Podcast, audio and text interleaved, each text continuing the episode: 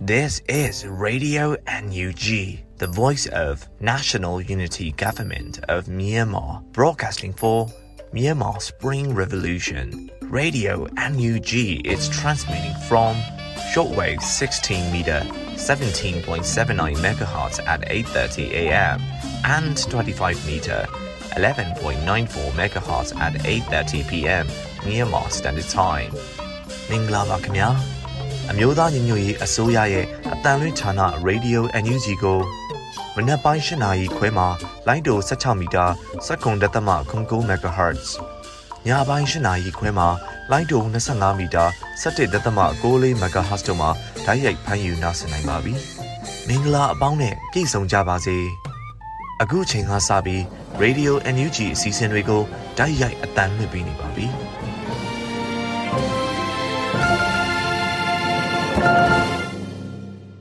မင်္ဂလာပါခင်ဗျာတရားမျှတလွတ်လပ်ခြင်းအစ်စ်နဲ့နိုင်ငံတော်အသစ်စီအရောက်လှမ်းနိုင်ကြပါစေတော်လိုင်းရေးခရီးလမ်းမှာမြန်မာနိုင်ငံသူနိုင်ငံသားအားလုံးကြမ်းကြမ်းမာမာရှိနိုင်ကြပါစေလို့ရေဒီယိုအန်ယူဂျီမှဆုမွန်ကောင်းတောင်းအပ်ပါတယ်အခုချိန်ကစပြီးဇန်နဝါရီလ23ရက်နေ့ရေဒီယိုအန်ယူဂျီရဲ့မနက်ခင်းသတင်းတွေကိုထုတ်လွှင့်ပေးပါတော့မယ်ကျွန်တော်ကအစီအစဉ်တင်ဆက်သူလွတ်လပ်ຫນွေဦးဖြစ်ပါတယ်ခင်ဗျာဥဆုံးအနေနဲ့ကာကွယ်ရေးဝန်ကြီးဌာနမှထုတ်ပြန်တဲ့စစ်ရေးသတင်းအကျဉ်းတွေကို ຫນွေဦးအလင်္ကာကဖတ်ကြားပေးမှာဖြစ်ပါတယ်ခင်ဗျာစစ်ကောင်စီနဲ့တိုက်ပွဲဖြစ်ပွားမှုသတင်းတွေကိုတင်ဆက်ပေးကြပါမယ်။ကရင်နီကရားပြည်နယ်မှာ ဇန်နဝါရီလ22ရက်နေ့ကဒီမော့ဆိုမြို့နယ်ဒေါ်ပိုစီ9မိုင်နဲ့6မိုင်ရွာတို့မှာ KNI တပ်မတော် KA KNDF PDF ပူးပေါင်းမဟာမိတ်တပ်များနဲ့စစ်ကောင်စီတပ်များတနေကုန်တိုက်ပွဲပြင်းထန်ခဲ့ပြီးစစ်ကောင်စီဘက်မှညနေပိုင်း9:30မိနစ်နဲ့ည9:00နာရီတို့မှာတိုက်လေယာဉ်နှစ်စီးနဲ့ဘုံကျဲတိုက်ခိုက်ခဲ့ရာစစ်ကောင်စီတပ်သားအများပြားထိခိုက်ကြဆုံးပြီးဒေသခံပြည်သူတပ်သား3ဦးထိခိုက်ဒဏ်ရာရရှိခဲ့ကြောင်းသိရှိရပါတယ်ခင်ဗျာ။ ဇန်နဝါရီလ22ရက်နေ့ကဒီမော့ဆိုမြို့နယ်လူပါကူကျွော်နီမှာတောင်ငူဘက်မှစစ်ကြောင်းထိုးလာတဲ့စစ်ကောင်စီတပ်များကို KNI တပ်မတော် KA နဲ့ KNDF တပ်တို့ပူးပေါင်းတိုက်ခိုက်ခဲ့ရာစစ်ကောင်စီဘက်မှအများပြားကြာဆုံးခဲ့ပြီး KNDF ဘက်မှတူဦးကြာဆုံးခဲ့ကြောင်းသိရှိရပါတယ်ခင်ဗျာ။စကိုင်းတိုင်းမှာ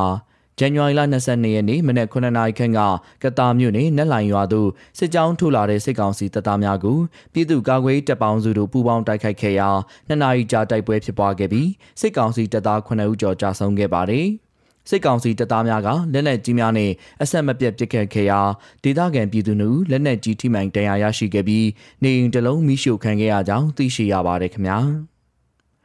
ဇန်နဝါရီလ22ရက်နေ့နေ့လယ်12:40မိနစ်ခန့်ကအလုံးမင်းတောင်စိတ်ကမ်းမှာချင်းတွင်းမြစ်ကြောင်းတစ်လျှောက်အထက်သို့ဆန်တက်လာတဲ့စစ်ကောင်စီရေရင်နှစ်စီးကိုမြစ်ရှိဘက်ခြမ်းမှာပြည်သူ့ကာကွယ်ရေးအဖွဲ့ဘူးတလင်းကပြစ်ခတ်တိုက်ခိုက်ခဲ့ရာစစ်ကောင်စီတပ်သား၄ဦးအနည်းဆုံးသေဆုံးခဲ့ကြောင်းသိရှိရပါတယ်ခင်ဗျာ။ဇန်နဝါရီလ22ရက်နေ့မနက်7:00နာရီခန့်ကအင်ဒိုမြို့နယ်နဘားရွာမှာပ င်ဝယ်ရွာဘက်သို့မီယတာလန်တိုင်တက်လာတဲ့စစ်ကောင်စီတပ်သား30ခန့်ကိုပြည်သူ့ကာကွယ်တပ်ပေါင်းစုက3ကြိမ်တိုက်ခိုက်ခဲ့ရာအရာရှိတူအပါအဝင်စစ်ကောင်စီတပ်သား12ဦးသေဆုံးခဲ့ပြီးအများအပြားထိခိုက်ဒဏ်ရာရရှိခဲ့ပါတယ်။စစ်ကောင်စီဘက်ကရန်တမ်းပစ်ခတ်တဲ့လက်နက်ကြီးကြောင့်ရင်မောင်းပြည်သူတို့သေဆုံးခဲ့ကြောင်းသိရှိရပါတယ်ခင်ဗျာ။မကွေးတိုင်းမှာ ဇန်နဝါရီလ22ရက်နေ့ညနေ4နာရီခန့်ကပခုတ်ကူမြို့နယ်ပြည်သူ့ကာကွယ်ရေးအဖွဲ့ PPDF မှအဖွဲ့ခွဲ Defense Team ပခုတ်ကူနဲ့ Earthquake People's Defense Force UG Yan Force UG တို့ပူးပေါင်းပြီးပခုတ်ကူမြို့တက်မလန်ရဲကင်းစကန်အားဝင်ရောက်ပစ်ခတ်တိုက်ခိုက်ခဲ့ရာစစ်ကောင်စီတပ်သား2ဦးသေဆုံးခဲ့ပြီး3ဦးဒဏ်ရာရရှိခဲ့ကြောင်းသိရှိရပါတယ်ခင်ဗျာဆက်လက်ပြီးစစ်ကောင်စီမှကျူးလွန်တဲ့ရာဇမှုတွေကိုတင်ဆက်ပေးကြပါမယ်။။ စကိုင်းတိုင်းမှာဇန်နဝါရီလ22ရက်နေ့ည9:00နာရီခန့်ကခင်ဦးမြို့နယ်ခင်ဦးမြို့အောင်မင်္ဂလာရက်ကွက်နေ CDM ပညာရေးဝန်ထမ်းဆရာမဒေါ်ဆန်းဆန်းဦးညောင်ကန်ကျောင်းအုပ်အားစစ်ကောင်စီတပ်သားများနဲ့ရဲရင်အား20ခန့်မှလာရောက်ဖမ်းဆီးခဲ့ကြောင်းသိရှိရပါတယ်ခင်ဗျာ။ ဇန်နဝါရီလ22ရက်နေ့ညနေပိုင်းကခင်ဦးမြို့နယ်နဲ့ရေဦးမြို့နယ်အကြားမူးမြစ်ကျင်းအတွင်းမှာရေဦးမြို့နယ်မှာမြစ်ကြောက်လာကောက်တဲ့ပြည်သူတူကိုစစ်ကောင်စီတပ်များကတနက်နေ့တုံးချက်ပစ်ခတ်ခဲ့ခြင်းကြောင့်ပြင်းထန်ဒဏ်ရာရရှိခဲ့ကြောင်းသိရှိရပါတယ်ခင်ဗျာ။အေယာဝတီတိုင်းမှာဇန်နဝါရီလ22ရက်နေ့ညပိုင်းကရေကြီးမြို့နယ်နေရီတိုက်ရွာရှိရွာသား19ဦးကိုစစ်ကောင်စီများကပေါ်တာဆွဲသွားခဲ့ကြောင်းသိရှိရပါတယ်ခင်ဗျာ။ ယခုတင်ဆက်သွားတဲ့သတင်းတွေကိုမြေပြင်သတင်းတာဝန်ခံများနဲ့သတင်းဌာနတွေမှာဖော်ပြလာတဲ့အချက်လက်တွေပေါ်အခြေခံပြုစုထားခြင်းဖြစ်ပါတယ်။ကျွန်တော်ကတော့ຫນွေဦးလင်ပါပါ။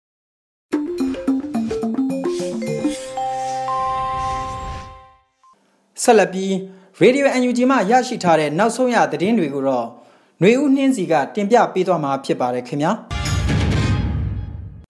အခုချိန်ကစပြီးနောက်ဆုံးရပြည်တွင်သတင်းများကိုဖတ်ကြားပါတော့မယ်။ဤသတင်းများကို Radio UNG သတင်းတောင်ဝန်ခံများနဲ့ခိုင်လုံသောမိဖက်သတင်းရင်းမြစ်များစီမှအခြေခံတင်ပြထားခြင်းဖြစ်ပါတယ်ရှင်။ပြည်တော်ဝင်ဖို့ယုံကြဆိုဆိုတဲ့ခေါင်းစဉ်နဲ့စစ်အာဏာရှင်ကြဆုံးရေးလူလူတပိတ်လှုပ်ရှားမှုစတင်တော့မှာဖြစ်တဲ့သတင်းကိုတင်ပြပေးပါမယ်။ မြန်မာပြည်တဝန်းလုံးမှာပြည်သူတွေကစစ်အာဏာရှင်ကိုနီလန်ပေါင်းစုံနဲ့တော်လှန်နေကြတာဟာမကြခင်တစ်နှစ်ပြည့်ပါတော့မယ်။ဖေဖော်ဝါရီလ၁ရက်နေ့မှာကြာရောက်မှာဖြစ်တဲ့အာဏာသိမ်းမှုတစ်နှစ်ပြည့်အထိတ်အမှတ်လူထုတပိတ်ကြီးကိုညင်ညင်ညညာဆင်နွှဲကြဖို့အောက်ပါအတိုင်းနှိုးဆော်ထားတဲ့အကြောင်းဖတ်ကြားပေးပါမယ်။လာမယ့်ဖေဖော်ဝါရီလ၁ရက်နေ့ဆိုရင်စစ်အာဏာသိမ်းမှုတစ်နှစ်ပြည့်ပြီ။ဖက်စစ်အုပ်စုဟာလက်နက်ရှိုံအင်အားကြီးုံနဲ့ဒီတိုင်းပြည်ကိုပိုကြအုပ်ချုပ်လို့ရမယ်လို့ထင်ခဲ့ပုံပေါ်တယ်။ သူတို့မှန်ချက်နဲ့နှမ်းထွက်အလွဲကြီးလွဲခဲ့လေပြီတနှစ်သာကြာသွားတဲ့ဖက်စစ်တွေကျွန်တော်တို့ပြည်သူတွေကိုလုံးဝအုပ်ချုပ်ခွင့်မရခဲ့ဘူးအခု2022ခုနှစ်ကတော့ကျွန်တော်တို့တော်လန်ရေးအလှည့်အပြောင်းကြီးဖြစ်ရမယ်နှစ်မှတ်တိုင်သစ်စိုက်ထူရမယ်နှစ်လို့အားလုံးကယုံကြည်အားခဲထားကြပါတယ်တဲ့ပြောရရင်ဒီနှစ်ဟာပြည်သူအာဏာပြည်သူလက်ဝဲပြန်ရောက်ရမယ်နှစ်ပြည်သူကအုပ်ချုပ်တော့မဲ့နှစ်ဆိုတဲ့ယုံကြည်စိတ် တိုက်ပွဲဝင်စိတ်အောင်စိတ်ကျွန်တော်တို့မှာအပြည့်ရှိနေပါတယ်ဒီအာနာသိမ့်မှုနှစ်ပတ်လဲနေဦးတော်လည်းရင်နှစ်ပတ်လဲအချိန်အခါမှာကျွန်တော်တို့ပြည်သူတွေသွေးအေးမနေဘူးသွေးကြောင်မသွားဘူးစစ်အုပ်စုရန်တရားအောက်မှာအသားကြောင်မသွားဘူးဆိုတာကိုကဘာတိမြမာတိဆက်လက်ဖော်ထုတ်ပြသနေဖို့လိုပါတယ်အထူးသဖြင့်အာနာသိမ့်မှုနှစ်ပတ်လည်နေ့ဖြစ်တာမို့ကမ္ဘာအတိုင်းဝိုင်းကဒီနေ့မှာကျွန်တော်တို့ပြည်သူတွေဘာလို့ကြမလဲသွေးအေးနေကြပြီလား စစ်အုပ်စုလက်အောက်မှာအသားကျနေကြပြီလားစတာတွေကိုပို့လို့စိတ်ဝင်စားသိချင်ကြပါလိမ့်မယ်။ဒါကြောင့်အာနာသိမှုနှစ်ပတ်လည်နေ့တရက်နေ့ဖေဖော်ဝါရီ2022မှာတနိုင်ငံလုံးလှဲနေလေအောင်မြင်းဆောင်မကျန်ပြည်သူအလုံးပါဝင်ဆင်နွှဲနိုင်တဲ့အောက်ပါအာနာရှင်စန့်ကျင်ရေးလူထုလှုပ်ရှားမှုတွေပါဝင်ဆင်နွှဲကြဖို့အထူးတိုက်တွန်းနှိုးဆော်အပ်ပါတယ်။တိတ်ဆိတ်ငြိမ်သက်ခြင်းတပိတ် silent strike ကဘာပေါ်မှာအကျယ်လောင်ဆုံးအတန်ဟာတိတ်ဆိတ်ငြိမ်သက်ခြင်းအတန်လို့ဆိုရရှိပါတယ်။အဲ့ဒီစကားနဲ့အညီပဲကျွန်တော်တို့ပြည်သူတွေကဖက်စစ်အာဏာယူတွေကိုမောင်းထုတ်လိုက်တဲ့တိတ်ဆိတ်ငြိမ်သက်ခြင်းတပိတ်ကိုတကဘာလုံးကြားအောင် hit or ဖော်ထုတ်ခဲ့ကြဖူးပါတယ်။ကဘာမှာရှာမရှာပြီးကျွန်တော်တို့ပြည်သူတွေသွေးစည်းညီညွတ်မှုကြောင့်သာတနိုင်ငံလုံးအဆင့်ဆင်နွှဲနိုင်တဲ့အတန်တိတ်တပိတ်ကြီးဖြစ်ပါတယ်။ကျွန်တော်တို့တိတ်ဆိတ်ငြိမ်သက်တယ်အတန်တိတ်တယ်ဆိုတာ ကြောက်တာတွေးအေးသွားတာလုံးဝမဟုတ်ပါဘူးငါတို့မြို့ငါတို့ရွာကိုငါတို့သာပိုင်တယ်တော်လိုင်းရင်အတွက်ငါတို့ငြိမ်ရင်ငြိမ်မယ်ငါတို့လှုပ်ရင်လှုပ်မယ်ဆိုတာကိုအကြမ်းဖက်စစ်မိတ်စာတွေသိစေဖို့ဖြစ်တယ်တနိုင်ငံလုံးတညီတညွတ်တဲ့ပါဝင်ဆင်နွှဲတဲ့အာနာရှင်စနစ်ဆန့်ကျင်ရေးလူထုလှုပ်ရှားမှုကြီးအဖြစ်ပုံဖော်ဆောင်ရွက်ကြတာဖြစ်ပါတယ်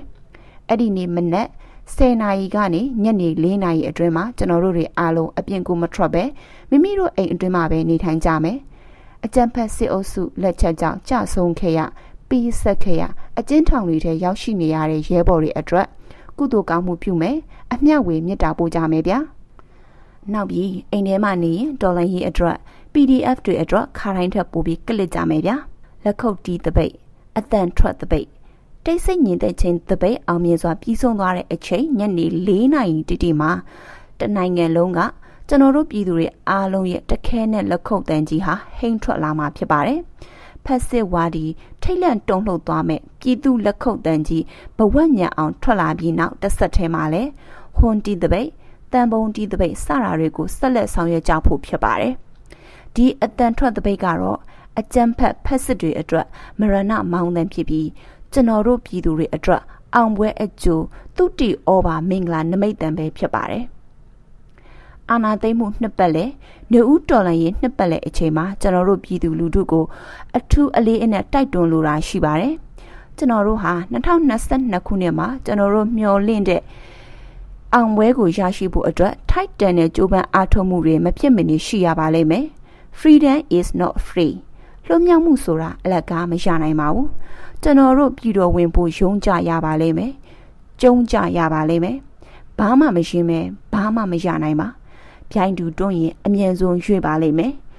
တော်လန်ရေးရဲ့အဆုံးသက်တိုက်ပွဲကိုကျွန်တော်တို့အားလုံးစစ်နွဲကြပါစို့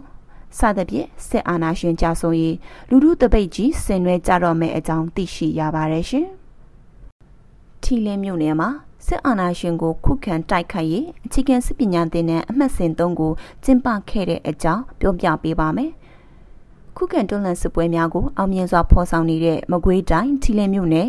YDF ထီလင်းအနေနဲ့အမှတ်စဉ်၃အခြေခံစစ်ပညာသင်တန်းကိုအောင်မြင်စွာသင်တန်းဆင်ပွဲပြုလုပ်နိုင်ခဲ့ပါတယ်။ဇန်နဝါရီလ19ရက်နေ့မှာပြုလုပ်ခဲ့တဲ့တင်နန်းစင်ပွဲဖြစ်ပြီးအခက်အခဲမျိုးစုံကြားမှာပဲအခုလိုတင်နန်းဆင်နိုင်ခဲ့တဲ့အကြောင်း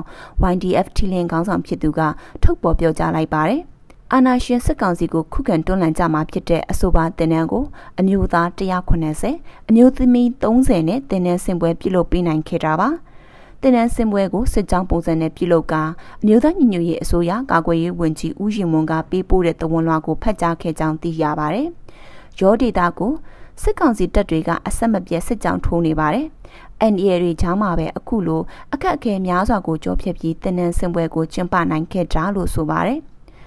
ကျွန်တော်တို့စီမှာလူငယ်တွေကစစ်ပညာသင်ရတာကိုအရင်တုန်းကတက်ပို့ပြီးစိတ်ဝင်စားမှုရှိလာတယ်။လာစာယူဖို့တနန်းလာတက်တာမဟုတ်ပဲစစ်အာဏာရှင်ကိုအမြင့်ဖြတ်တော်လှန်မယ်ဆိုတဲ့စိတ်ဓာတ်နဲ့လာတာဖြစ်လို့နှစ်လလောက်သင်ရမယ့်သင်ခန်းစာတွေကိုတလားတည်းနဲ့တက်မြောက်တယ်။ကျွန်တော်တို့စီမှာတင်နှံတက်ဖို့နောက်ထပ်စီးရင်သွင်းထားတဲ့သူတွေလည်းအများကြီးကြံသေးတယ်လို့ YDF ထီလင်းခေါင်းဆောင်က DVB သတင်းဌာနကိုပြောပါတယ် အခြေခံစစ်ပညာသင်တန်းဆင်းပြီးတဲ့လူငယ်တွေကိုနောက်ထပ်မွမ်းမံသင်တန်းတွေထပ်မံပို့ချမှာဖြစ်ပါတယ်။လေ့ကျင့်ရင်တိုက်တိုက်ရင်နဲ့လေ့ကျင့်ဆိုတဲ့စနစ်နဲ့စစ်အာဏာရှင်ကိုတိုက်ထုတ်သွားမယ်လို့သူကဆက်ပြောပါတယ်ကျွန်တော်တို့ရောဒေတာဆိုတာကလည်းချင်းပြည်နယ်ရဲ့စီယိုဖြစ်တယ်လို့ချင်းပြည်နယ်ကိုစစ်ကြောင်းထိုးမယ်ဆိုရင်ရောဒေတာကိုဖျက်ပြီးတော့မှသွားလို့ရမှာဖြစ်ပါတယ်။ဒါကြောင့်မို့ရောဒေတာအတွင်းကကြေးရွာတွေကိုဝင်ရောက်ပြီးပြည်သူတွေကိုအကြမ်းဖက်ဖမ်းဆီးတပ်ဖြတ်ပြီးကြေးရွာတွေကိုမိရှို့ဖျက်ဆီးခဲ့ကြတာ။ စစ်ကောင်စီတပ်တွေကအကြမ်းဖက်မိရှို့တာဟာသူတို့အာဏာတည်မြဲဖို့ပြည်သူတွေကိုအကြောက်တရားဖြစ်အောင်လုပ်တာပဲ။ပြည်သူလူထုအနေနဲ့ PDF တွေဘက်ကိုမရက်တီရဲအောင်တည်င်းမပေးရဲအောင်လုပ်တဲ့သဘောပဲလို့ YDF ထီလင်းခေါင်းဆောင်ဖြစ်သူကပြောပါတယ်။ခုခံတွန်းလှန်စစ် PDF တပ်ဖွဲ့အင်အားကောင်းတဲ့ရောဒေသမှာအာနာသိန်းအကြံဖက်စစ်တပ်ကအင်အားသုံးတိုက်ခိုက်နေခဲ့ပေမဲ့လည်းလွန်ခဲ့တဲ့အောက်တိုဘာလအတွင်းမှာစစ်ကောင်စီတပ်လက်အောက်ခံပြူစောတိတပ်တွေဟာ YDF များထံလက်နက်ချအညက်ခံရပါတယ်။အဆိုပါလက်နက်ချစစ်တပ်လက်အောက်ခံအဖွဲ့တွေဟာမကွေးတိုင်းကန့်ကော်ခရိုင်ထီလင်းမြို့နယ်ထဲမှာလှုပ်ရှားနေတဲ့အဖွဲ့ဖြစ်ပြီးဘူးလက်ဦးလာရွှေကဦးဆောင်ပြီးအာနာသိန်းစစ်တပ်နဲ့ရဲတပ်ဖွဲ့တွေကကြောထောက်နောက်ခံပေးထားတဲ့အဖွဲ့ဖြစ်ကြောင်းသိရပါဗျ။လွန်ခဲ့တဲ့ဒီဇင်ဘာလအတွင်းမှာ YDF ရောတပ်ရင်းစနစ်မှစစ်ကောင်စီရင်နှန်းကိုပျောက်ကြားစနစ်ဖြင့်မိုင်းရှစ်လုံး လက်လုံလောင်ချလေးချက်ဖြင့်တိုက်ခိုက်နိုင်ခဲ့ပြီးစစ်ကောင်စီစစ်စစ်သားအများအပြားကားပေါ်မှာလွန့်ထွက်သွားခဲ့ကတေဆုံးမှု30ကျော်အထိရှိခဲ့ပါတယ်။ဒါအပြင်အကြံဖက်စစ်ကောင်စီရဲ့စီးပွားရေးရန်တရားကိုလဲပတ်စေမဲ့စစ်တပ်စီးပွားထုတ်ကုန်များကိုလည်းဒေသအတွင်းကူးသန်းရောင်းဝယ်ဖောက်ကွာမှုမပြုကြဘူး YDF ကာကွယ်ရေးတပ်ဖွဲ့များကသတိပေးတားမြစ်ထားပါတယ်ရှင်။ ပြည်သူ့ကာကွယ်ရေးအဖွဲ့ပကဖများကနေမြေစုမှုရေးအတွက်ခီးသွွားရင်များကိုကြည်ပြူစွာစစ်ဆေးခွင့်ပြုဖို့မြစ်တာရက်ခံခဲ့တဲ့သတင်းတပုတ်ကိုတင်ပြပေးပါမယ်။အမျိုးသားညီညွတ်ရေးအစိုးရကာကွယ်ရေးဝန်ကြီးဌာန၏စီမံကွပ်ကဲမှုနှင့်အတူပြည်သူ့ခုခံတော်လှန်စစ်ကိုဆင်နွှဲနေကြသောသခိုင်းတိုင်းတွင်ရှိပြည်သူ့ကာကွယ်ရေးတပ်မတော် PDF နှင့်အတူအုပ်ချုပ်ရေးပိုင်းမှပြည်သူ့ကာကွယ်ရေးအဖွဲ့ပကဖများသည့်ဒေသအတွင်းခီးသွွားရင်များကိုရှောင်းတခင်စစ်ဆေးခြင်းများပြုလုပ်လျက်ရှိပါသည်။ ထို့သောရှောင်းတခင်စစ်ဆေးခြင်းများကိုခီးသွွားမိဘပြည်သူများအနေဖြင့်ကြည်ပြူစွာလက်ခံပေးပါရန်မြစ်တာရက်ခံပြီးအများပြည်သူအားစိတ်အနှောက်အယှက်မဖြစ်ကြစေရန်မိမိတို့အဖွဲ့မှတာဝန်ယူအာမခံကြောင်းဒဇယ်မြို့နယ်ပြည်သူ့ကာကွယ်ရေးအဖွဲ့ပကဖကအသိပေးထားပါတယ်အခုလိုနယ်မြေလုံခြုံစုမှုရေးအတွက်စစ်ဆေးမှုများကိုတော့စကိုင်းတိုင်းဒဇယ်မြို့နယ်အတွင်းပြုလုပ်ခဲ့တာပါ။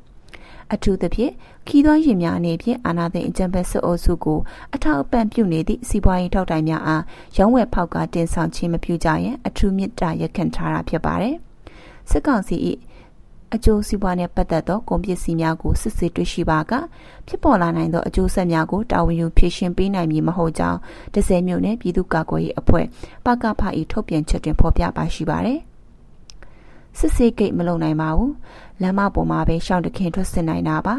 စစ်ကောင်စီထုတ်တဲ့ပစ္စည်းပါမပါလဲစစ်ချင်တာဗျ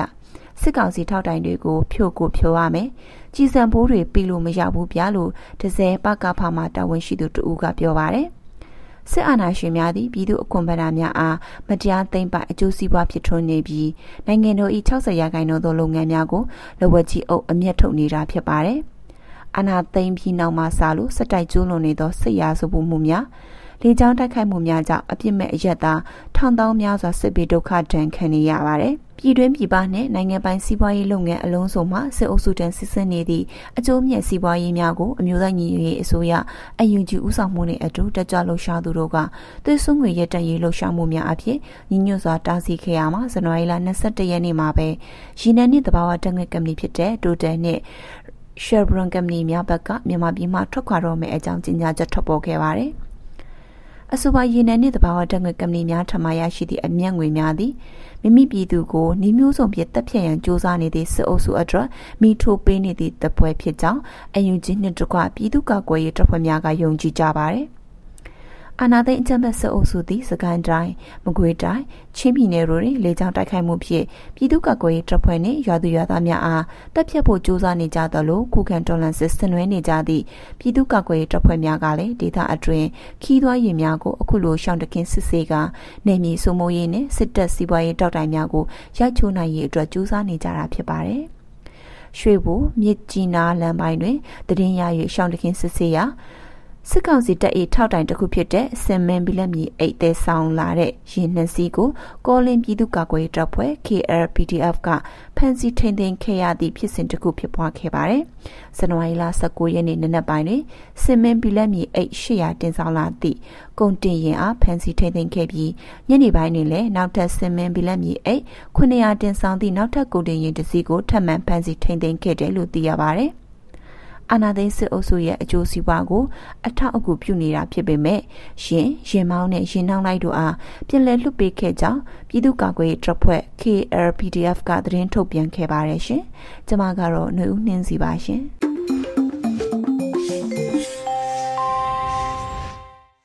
ရေဒီယို UNG မှဇန်နဝါရီလ23ရက်နေ့မနေ့ခင်းသတင်းတွေကိုနားဆင်ခဲ့ကြရတာပါအခုတဖန်ຫນွေဦးလိုက်ပြတင်ပြထားတဲ့ ပြည်သူခုခံတော်လှန်စစ်တည်င်းများကိုနားဆင်ကြပါဦးခင်ဗျာမုံရွာချောင်းဦးလမ်းပိုင်းမှာစစ်ကောင်စီရင်နှန်းမိုင်းဆွဲခံရပြီးအများအပြားထိခိုက်တဲ့တဲ့ရင်ကိုဥစွာတင်ဆက်ပါမယ်။စကိုင်းတိုင်းမုံရွာမြို့မှာတောင်ဘက်သို့ဇန်နဝါရီလ20ရက်ညနေ6နာရီခန့်၌ထွက်ခွာလာသောစစ်ကောင်စီရင်နှန်းကိုမုံရွာချောင်းဦးလမ်းပိုင်းတွင်ချောင်းဦး PDF နှင့်မုံရွာ IGF တပ်ဖွဲ့ကမိုင်းဆွဲတိုက်ခိုက်ခဲ့ရာ စစ်ကားနှစ်စီးလုံးရပ်တန့်သွားကစစ်ကားပေါ်မှဆင်လာသောစစ်သားများကဘေးပတ်ဝန်းကျင်သို့လက်နက်ကြီးလက်နက်ငယ်များဖြင့်ရန်တမ်းပစ်ခတ်နေစဉ်ထပ်မံမိုင်းဆွဲတိုက်ခိုက်ပြီးအများအပြားထိခိုက်သွားတယ်လို့ဆိုပါတယ်။ဒုတိယအကြိမ်ပရိသာမိုင်းဆွဲတိုက်ခိုက်မှုကြောင့်ပြစ်ခတ်တံများငြိမ်သက်သွားကြောင်းမုံရွာဘက်မှအင်စီကဆယ်စီးဖြင့်တေဆုံးဒဏ်ရာရသူများအားလာရောက်တင်ဆောင်ကြောင်းကာလမဘောရှိအသားစာများကိုစေကြောနေသည်မှာည7:00နာရီထိကြာခဲ့ကြောင်းဒေသကာကွယ်ရေးအဖွဲ့များကထုတ်ပြန်ပါတယ်။ ရင်းနောက်အယက်သားကားများကို လူသားတိုင်းအဖြစ်အုံပြုကပျက်စီးသွားသောစစ်ကားနှစ်စီးကိုကျိုးဖြစ်ဆွဲသွားကြောင်းစစ်ကောင်စီ၏ရန်တမ်းပစ်ခတ်မှုကြောင့်အပြစ်မဲ့ပြည်သူတအူးတနက်ထိမှန်တိတ်ဆုံးခဲ့ပါတယ်။ပြည်သူများအနေဖြင့်အကြံဖက်စစ်ကောင်စီတပ်ဖွဲ့အနီးတွင်တွာလာနေထိုင်ခြင်းလုံးဝမပြုလုပ်ရန်နှင့်စစ်ကားများနှင့်အနီးကပ်မောင်းနှင်ခြင်းမပြုရန်ချောင်းဦး PDF နှင့် Immortal Guerrilla Force IGF မုံရွာကအတိပေးထုတ်ပြန်ထားပါတယ်။ ဆက်လက်ပြီးရန်ကုန်မြို့နယ်ခုနှစ်ခုတွင်အကြမ်းဖက်စစ်ကောင်စီတပ်ဖွဲ့များပြစ်မှတ်ထားထိုက်ခိုက်ခံရကစစ်သား2ဦးသေဆုံးပြီးအများအပြားထိခိုက်ဒဏ်ရာရတဲ့တဲ့ရင်ကိုတင်ဆက်ပါမယ်။ ရန်ကုန်တိုင်းအတွင်းရှိတောင်အုပ်ကလာအင်းစိန်တိုက်ကြီးမင်္ဂလာတုံတောင်တကုံတာမွေနဲ့လှိုင်တာယာတို့တွင်အကြမ်းဖက်စစ်ကောင်စီတပ်ဖွဲ့များကိုရန်ကုန်တိုင်းစစ်သေးတာကွဲကိုကဲရေးအဖွဲ့ကဇန်နဝါရီလ16ရက်နေ့မှ22ရက်နေ့အတွင်းပြစ်မှတ်ထားတိုက်ခတ်ခဲ့ပြီးစစ်သား2ဦးသေဆုံးကအများအပြားထိခိုက်ဒဏ်ရာရရှိခဲ့ကြောင်းရန်ကုန်တိုင်းစစ်သေးတာကွဲကိုကဲရေးအဖွဲ့ကဆိုပါတယ်။ ဘုံဖြစ်ပစ်ခတ်ခြင်းအဝေးထိန်ဖောက်ခွဲခြင်းစတဲ့နီလန်တွေနဲ့တိုက်ခိုက်ခဲ့တာဟာရန်ကုန်တိုင်းစစ်သေးသားခွဲကုကဲရေးအဖွဲ့ရဲ့ပြန်လွှမ်းအောင်စစ်စင်ရေးတစိမ့်တစ်ပိုင်းဖြစ်တယ်လို့ဆိုပါတယ်။တရင်အချက်လက်များအရ21ရက်တလ2022ရက်နေ့တွင်စစ်ကောင်စီတပ်ဖွဲ့ဝင်36ဦးသေဆုံးပြီးထိခိုက်ဒဏ်ရာရရှိသူ4ဦးအထိခုခံတိုက်ခိုက်နိုင်ခဲ့ပါတယ်။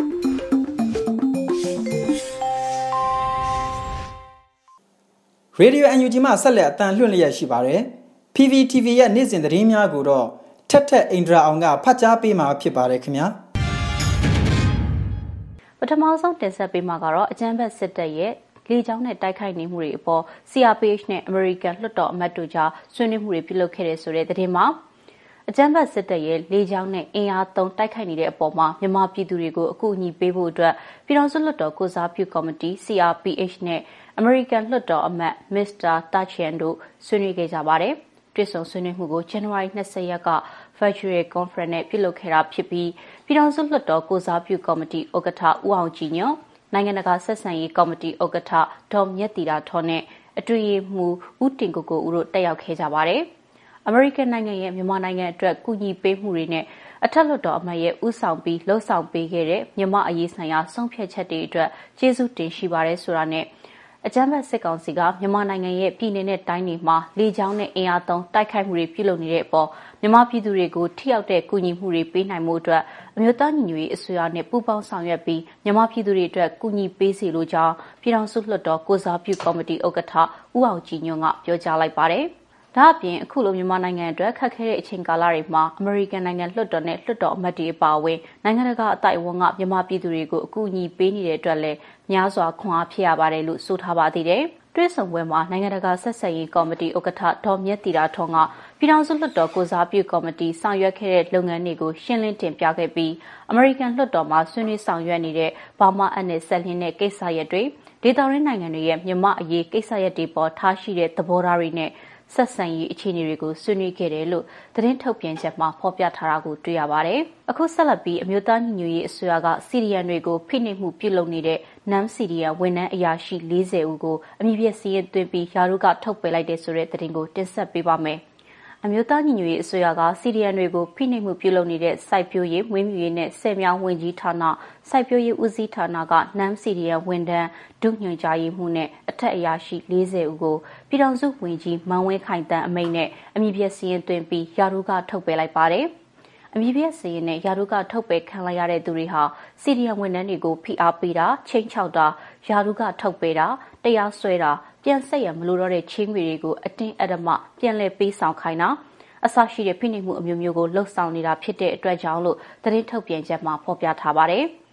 ထုတ်ပယ်ခရသူတွေကတော့စိုက်ပျိုးရေး၊ဝင်းမြူရေးနဲ့စက်မြောင်းဝင်ကြီးဌာနစိုက်ပျိုးရေးဦးစီးဌာနကညွှန်ကြားရေးမှူးချုပ်ဒုညွှန်ကြားရေးမှူးချုပ်9ဦးညွှန်ကြားရေးမှူး32ဦးနဲ့ဒုညွှန်ကြားရေးမှူး2ဦးတို့ဖြစ်ပါတယ်။ အမျိုးသားညီညွတ်ရေးအစိုးရဝန်ကြီးချုပ်ရုံးအနေနဲ့လည်းအော်တိုဘာလကစတင်ပြီးတော့အမိတ်အာဏာဖီဆန်ရေးလှုပ်ရှားမှု CDM မှာပါဝင်ခဲ့ကြတဲ့ဝန်ကြီးဌာနမဖွဲ့ရသေးတဲ့ဌာနအသီးသီးကနိုင်ငံဝန်ထမ်းသူရဲကောင်းတွေရဲ့လူမှုဖူလုံရေးလုံခြုံဘေးကင်းရေးနဲ့ဖိအားကင်းစီရေးတို့အတွက်အလေးထားဆောင်ရွက်နေတယ်လို့ဆိုထားပါတယ်။ဆက်လက်ပြီးတော့စစ်ဘေးရှောင်တက်ကြီးရွယ်အိုတွေကိုအမျိုးသားညီညွတ်ရေးအစိုးရကထောက်ပံ့ကူညီမှုတွေပြုလုပ်ပေးနေတဲ့ဆိုတဲ့သတင်းကိုတင်ဆက်ပေးပါမယ်။ စစ်ဘေးရှောင်တကြီးရွယ်တွေရဲ့အခြေခံလူအခွင့်အရေးကိုတံမိုးထားတဲ့အနေနဲ့အမျိုးသားညီညွတ်ရေးအစိုးရလူသားချင်းစာနာထောက်ထားရေးနဲ့ဘေးရန်ရဲ့ဆိုင်ရာစီမံခန့်ခွဲရေးဝန်ကြီးဌာနကထောက်ပံ့ကူညီမှုတွေလုပ်ပေးနေပါတယ်။အခုလိုထောက်ပံ့ကူညီမှုတွေလုပ်ပေးတာကိုဒေတာအခြေပြုအဖွဲ့အစည်းတွေနဲ့လူမှုအဖွဲ့အစည်းတွေရဲ့စေတနာဝန်ထမ်းတွေပူးပေါင်းအကောင့်ထဲပေါ်ပြီးကူညီမှုတွေကြောင့်လှုပ်ဆောင်နိုင်ခဲ့တာဖြစ်တယ်လို့လည်းဆိုထားပါတယ်။ အမျိုးသားညီညွတ်ရေးအစိုးရအနေနဲ့လူသားချင်းစာနာမှုအကူအညီတွေဆောင်ရွက်ပေးရမှာထိခိုက်လွယ်အုပ်စုတွေအတွက်အလေးထားစဉ်းစားပြီးဆက်လက်ပတ်ဖို့ကူညီနိုင်ရေးအတွက်လှုံ့ဆော်ပေးသွားမှာဖြစ်တယ်လို့လည်းဝန်ကြီးဌာနကပြောကြားထားပါတယ်။မြန်မာနိုင်ငံသူနိုင်ငံသားအလုံးပဲဆရာနာရှင်ဘေးကနေအမြန်ဆုံးလွတ်မြောက်ကြပါစေလို့ဆန္ဒပြုလိုက်ရပါတယ်။ကျေးဇူးတင်ပါတယ်ရှင်။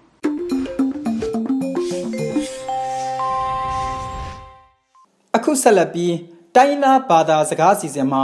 ချိုးချင်းဘာသာစကားကွဲတစ်ခုဖြစ်တဲ့မွန်းဘာသာစကားသတင်းထုတ်လွှင့်မှုအစီအစဉ်ကိုတင်ဆက်ပေးမှာဖြစ်ပါတယ်။ဒီအစီအစဉ်ကို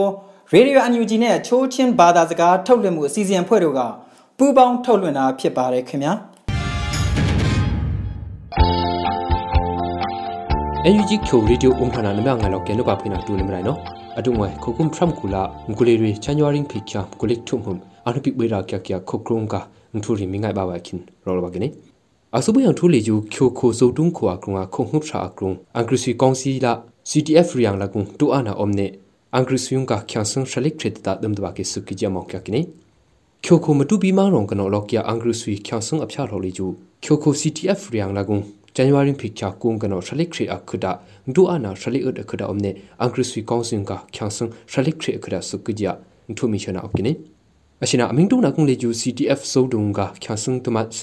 ဆန်ရှလိကထရက်တာဒမ်ဒဘာကေစုကီဂျမောင်ကကိနေချိုခိုမတူဘီမာ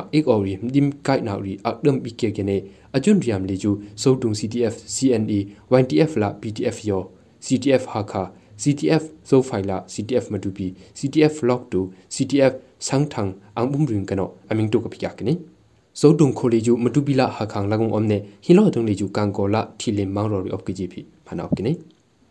chutia ang hibina kang thu le ju American khurok kia khosak khyang angbum ri dung kano CTF minta phojia American dollar de khrula phya shlik khilhaw aming khaina op kiji amok kya kini va round sun thir angbum no CTF minta အဖွာအမေရိကန်ကိုရော့ကီယာခုချောင်ရီတန်ကနောအမေရိကန်ဒေါ်လာဒပ်ခရုလာဖြာရှလိကချီခုကုမ်ဖရမ်ကူလမ်ကူလီဒီဇင်ဘာလိချာကုံ အမေရနာအော့ကိကြဒီဇင်ဘာလိခ ्याम ကုလိကမှာခုံဟဘန် CTF မင်တာတန်ကနောပရနာကိနေကျူတယာဟဲလ်တဝအမ်အုံတန်ကနဂျုံဖီမင်တာ CTF ဖော်ချီယာယူနီဖောင်းရီလေကျူအမင်းခိုင်နာအုံကိကနေအရှင်နာမင်တာမန်ရောအုံကိယာအမ်ဇုံတန်လာအစစ်တန်က CTF ခုတ်ချောင်ရီဖော်ပရပရကဇန်နဝါရီဖိခါရှလက်ခရင်ဘီကွီကြဖနာကိနေကျူတယာအထုမနာကန်ထူလေယူမြန်မာခုံအော့ကျာခုနူလာခုပုံဘခရုအကရုံအီလက်ထရောနစ်ခေါရီရှလက်ကိုယူမကွန်စနာကဘီဘာဝါချီယာ အဂရစီကောင်စီတန်ကတော့အပနာမောင်ကကိနေမြန်မာခုံအပြခုနူလာခုပုံဘခရုအကရုံ electronic တောင်ပါကီယာခေါ်ရီကွန်စနာကပိဘာဘာဂျီယာအဂရစီကောင်စီတန်ကတော့အပနာအပကိနေအရှမေအင်္ဂရိစီကောင်စီတန်ကနောကွန်စနာကပိဘာဘာဂျီယာ electronic တောင်ပါကီယာခေါ်ရီ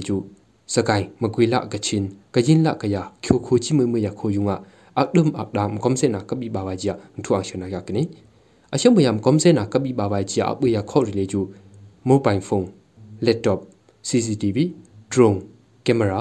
battery la takeri chitia lhase waya ri la shui ko stila msom bia twi pa ri sukri akdum acid chitia pyokcha sui sa ri la akrong a ek ok akdum akda ri ka ki jia phana okini chitia ahing thu tama le ju ကမ်ဘီယာခိုဒံကနောမြန်မာခိုအစိုးရအပူကကြကရဂျီနိုဆိုက်ချီယခိုချောင်ရီအဝန်ငေါနွန်ပတ်စီအိုင်စီချင်းဘုံအီမုံပရက်ဆာနာလီဂျူလောက်ခဖီဖိုရင်ကွတ်ချမ်ကူလီအဒုံကနောတွင်နေဘီလဘာခရီချအမော င်ကြကနီရိုဟင်ဂျာခိုချောင်ရီခနာဂျီနိုဆိုက်ချီယခိုချောင်အဝန်ဒွန်နေငေါနွန်ပါစီအာဖရိကတိုင်ကုံအော့ကီယာကမ်ဘီယာခိုဒံကနောငရှိထွနာကောင်ပါစီလီဂျူလောက်ခဖီဖိုရင်ကွတ်ချမ်ကူလီအဒုံကနောတွင်နေငူလိခရစ်အခဒဘီခရီချဖနောက်ကနီနေဒလန်ခုဟကူမောင်ရောင်အော့ကီယာအိုင်စီချင်းဘုံအီမုံလေဂျူခုကုမ်ဖရမ်ကူလာရှလိကထေတုံရခိုင်ခုအကရုငါရင်ဂျာခုချောင်ရီငွန်နကောင်ပါစီ ရှိထွနာရီပြပါခရီကနေအကျွနုံလေကျူ NUG ခိုဆိုရကုလသမက်ကတာမကြကြဥကျော်မူထွန်ဂိုင်ဒုခကြဖနာကိနေကျင်ရကုံအနှုယံထူလေကျူကက်ဆက်တိကခေါ်ရီမကွန်ဆေနကောင်ပါစီမြန်မာခုချောင်တမတောအတငါချောင်စက်ထုံပန်းနာဘီကရီကြမောခကိနေကက်ဆက်တိကခေါ်ရီကွန်ဆေနကောင်ပါစီမြန်မာခုချောင်တမလာပါမီချောင်စင်ရီ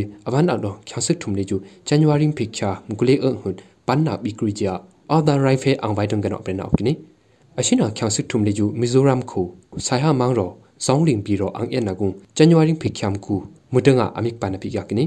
အရှိနာချောင်ရီအောင်အတငါလေကျူကက်ဆက်ထိကရခေါ်ရီကီလိုဂရမ်ဖြမ်ကူလင်းမာတာဒမ်ဒဝကီအတငါအမိမှုကကိကြဖနာကိနေအရှိနာအိန္ဒိယခုမီဇိုရမ်လေကျူခုခုမ်ဖရမ်ကူလမ်ကူလေအတ်ဖေဖာရင်ကောချာအဒုံမြန်မာခုအင်္ဂရိစီကောင်စီတန်ကနောအာနာအမ်ရုနကအခင်းုံကနောတွင်နေ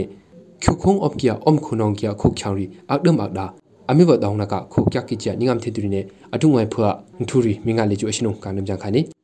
အတုငွေဖွာအခင်းပနေနမငါလောပေကေနုပါဖိနာရီမြန်မာခုကရုံအဂျတီစီနာအင်အိုင်နာရီအာယောမိုက်ဆကြအရှင်ကနောကမနီအတိုင်ရူတူပေရုကနေနုပါဖိနာတူမြန်မာနုပစာနီဖိုင်နောဒီကနေ့ကတော့ဒီညနေပဲ Radio NUG ရဲ့အစည်းအဝေးတွေကိုခਿੱတရရနိုင်ပါမယ်။မြန်မာစံတော်ချိန်မနက်၈နာရီခွဲနဲ့ည၈နာရီခွဲအချိန်တွေမှာ ပြန်လည်ဆုံးဖြတ်ကြပါစို့။ Radio NUG ကိုမနက်ပိုင်း၈နာရီခွဲမှာလိုင်းဒို16မီတာစက္ကန့်တသမ9 MHz ညပိုင်း၈နာရီခွဲမှာလိုင်းဒို25မီတာ17သမ6 MHz တို့မှာဓာတ်ရိုက်ဖမ်းယူနိုင်နိုင်ပါပြီ။မြန်မာနိုင်ငံသူနိုင်ငံသားများကိုစိတ်နှပြကျန်းမာချမ်းသာလို့ဘေးကင်းလုံခြုံကြပါစေလို့ Radio NUG အဖွဲ့သူအဖွဲ့သားများကဆုတောင်းလိုက်ရပါတယ်။အမျိုးသားညီညွတ်ရေးအစိုးရရဲ့စက်သွေးရေးတရင်အချက်အလက်နဲ့ဤပညာဝန်ကြီးဌာနကထုတ်လွှင့်နေတဲ့ Radio NUG ဖြစ်ပါတယ်။ San Francisco Bay Area အခြေစိုက်မြန်မာမိသားစုများနဲ့နိုင်ငံတကာကစေတနာရှင်များလှုပ်အားပေးများရဲ့ Radio NUG ဖြစ်ပါတယ်။အရေးတော်ပုံအောင်ရမည်